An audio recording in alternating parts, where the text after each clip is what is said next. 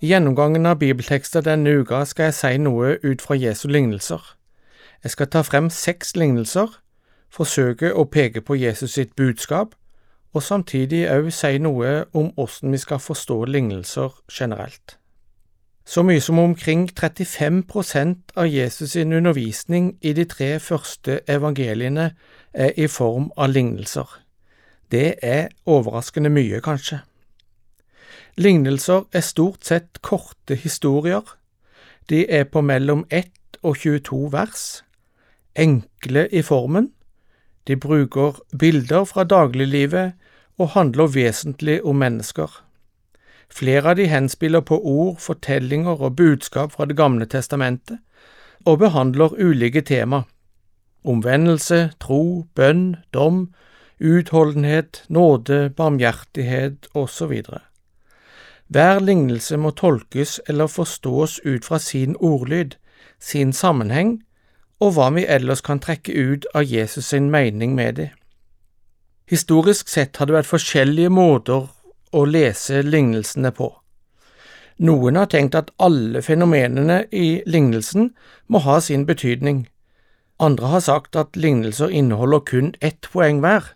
Andre igjen har meint at lignelsen er sagt for at budskapet skal fortelles sånn at det er vanskelig å forstå. Andre igjen at lignelsen er så dagligdagse for at de skal være enkle å forstå. Jeg mener at vi ikke skal presse lignelsene inn på én form. Vi kan ikke på forhånd bestemme hvordan vi skal forstå en lignelse bare fordi vi kaller den teksten for en lignelse. Lignelser er ulike i lengde, form, innhold, enkelthet og vanskelighetsgrad. Noen er så korte at de har bare ett poeng, andre er lengre, og i lignelsen om såmannen for eksempel, så forklarer Jesus sjøl at hvert enkelt ledd har sin betydning. Ofte sier innledningsverset noe viktig om hva Jesus ville ha frem. Ikke minst skal vi se det i lignelsen i dag. Vi begynner med lignelsen om enka og den urettferdige dommeren på åtte vers i begynnelsen av Lukas evangeliet kapittel 18, og jeg leser. Så fortalte han dem en lignelse om at de alltid skulle be og ikke miste motet. I en by var det en dommer som ikke fryktet Gud og ikke tok hensyn til noe menneske. I samme by var det en enke som stadig på ny kom til ham og sa, Hjelp meg mot min motpart, så jeg kan få min rett. Lenge ville han ikke, men til slutt sa han til seg selv, enda jeg ikke frykter Gud og ikke tar hensyn til noe menneske, får jeg hjelpe denne enken til hennes rett, siden hun plager meg slik, ellers ender det vel med at hun flyr like i synet på meg. Og Herren sa, Hør hva denne uhederlige dommeren sier. Skulle ikke da Gud hjelpe sine utvalgte til deres rett, de som roper på ham dag og natt, er han sen til å hjelpe dem? Jeg sier dere, han skal sørge for at de får sin rett, og det snart. Men når Menneskesønnen kommer, vil han da finne troen på jorden? Lignelsen er en oppdikta historie som Jesus bruker for å få frem et poeng om at vi skal være utholdende i bønn og stadig henvende oss til Gud på den måten, sjøl om det kan virke helt umulig sjøl om det tilsynelatende er helt stille fra Guds side, sjøl om du har bedt i mange år uten at du kan se noe svar. I denne byen var det en ugudelig og urettferdig dommer. Han brydde seg ikke om noen mennesker. Antagelig tenkte han helst på hvem som kunne betale mest for at han skulle dømme til deres fordel. En tvers gjennom korrupt dommer, altså. Der bodde det òg en enke som tydeligvis var utsatt for ulovlige handlinger eller falske anklager eller hva det nå var. Hun gikk stadig til dommeren for å be han om å dømme rett. Det ligger mellom linjene at hun ikke kunne eller ikke ville betale den korrupte dommeren, og dermed brydde han seg heller ikke om henne. Før han til slutt ble så lei av alt maset ifra henne. Han tenkte at hun kommer til å fly i synet på meg. Han oppfatta at denne enka bare plaga han, og at det, på tross av at han ikke brydde seg, likevel var enklest å dømme sånn at hun fikk sin rett. Dette er en såkalt hvor mye mer-lignelse.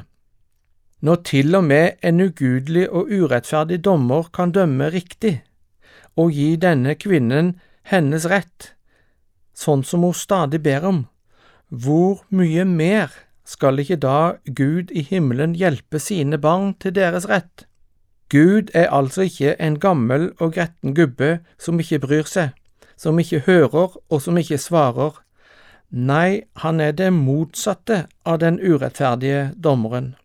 Gud blir ikke plaga av at vi går til Han til stadighet for å be.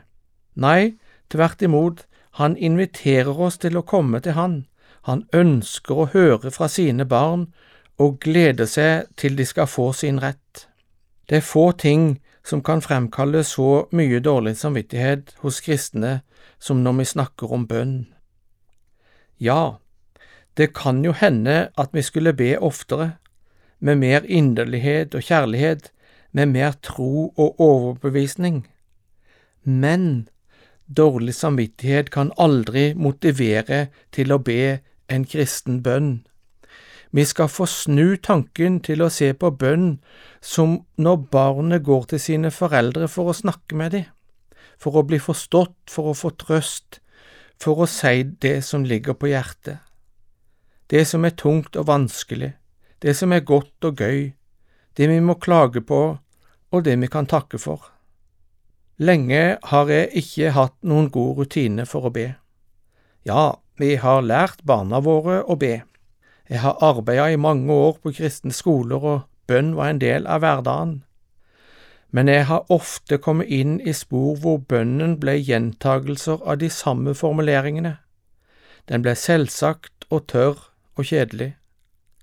I min livskrise for noen år siden opplevde jeg at orda mista sin betydning, de ble tomme og meningsløse, og orda stoppa opp.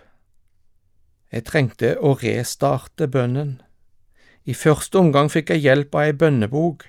Den inneholder faste, men forskjellige bønner med et mer variert og oppdatert språk. Jeg fikk hjelp til å sette ord på det jeg virkelig følte, og ikke bare det jeg tenkte at jeg kunne be om. Etter hvert har jeg i noen grad fornya språket og opplever bønnen som mer ekte. Jeg har hatt glede av å se på alt som jeg er og har som Guds gaver, som Guds skjulte bønnesvar, til og med. Og det hjelper selvsagt innimellom å få tro at jeg ser et og annet konkret bønnesvar. Jeg ble kristen i ungdommen, og siden den tid har jeg bedt for noen mennesker i 30 år. Ikke alltid like ivrig, det må jeg innrømme, men vet du, nå begynner det å skje noe. Bønn er hardt arbeid, det kan ofte være tungt og kreve utholdenhet, men bønn er først og fremst en gave til det. Du skal få lov til å be til, snakke til, henvende deg til den levende Gud. Kanskje får du ikke svaret du håper på, eller iallfall ikke akkurat når du venter det men gjennom hele Bibelen kan du lese om mennesker som ba, og Gud som hørte de og svarte etter sin plan. Ja, bønn er arbeid, men det er òg hvile. Det er som for barnet å krype opp på fanget til mor eller bestefar eller en annen omsorgsperson og bare få være der. I enda større grad enn foreldrene vet Gud hva du trenger før du ber.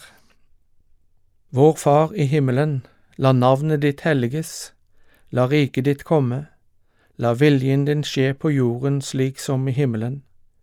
Gi oss i dag vårt daglige brød, og tilgi oss vår skyld slik også vi tilgir våre skyldnere, og la oss ikke komme i fristelse, men frels oss fra det onde, for riket er ditt, og makten og æren i evighet. Amen.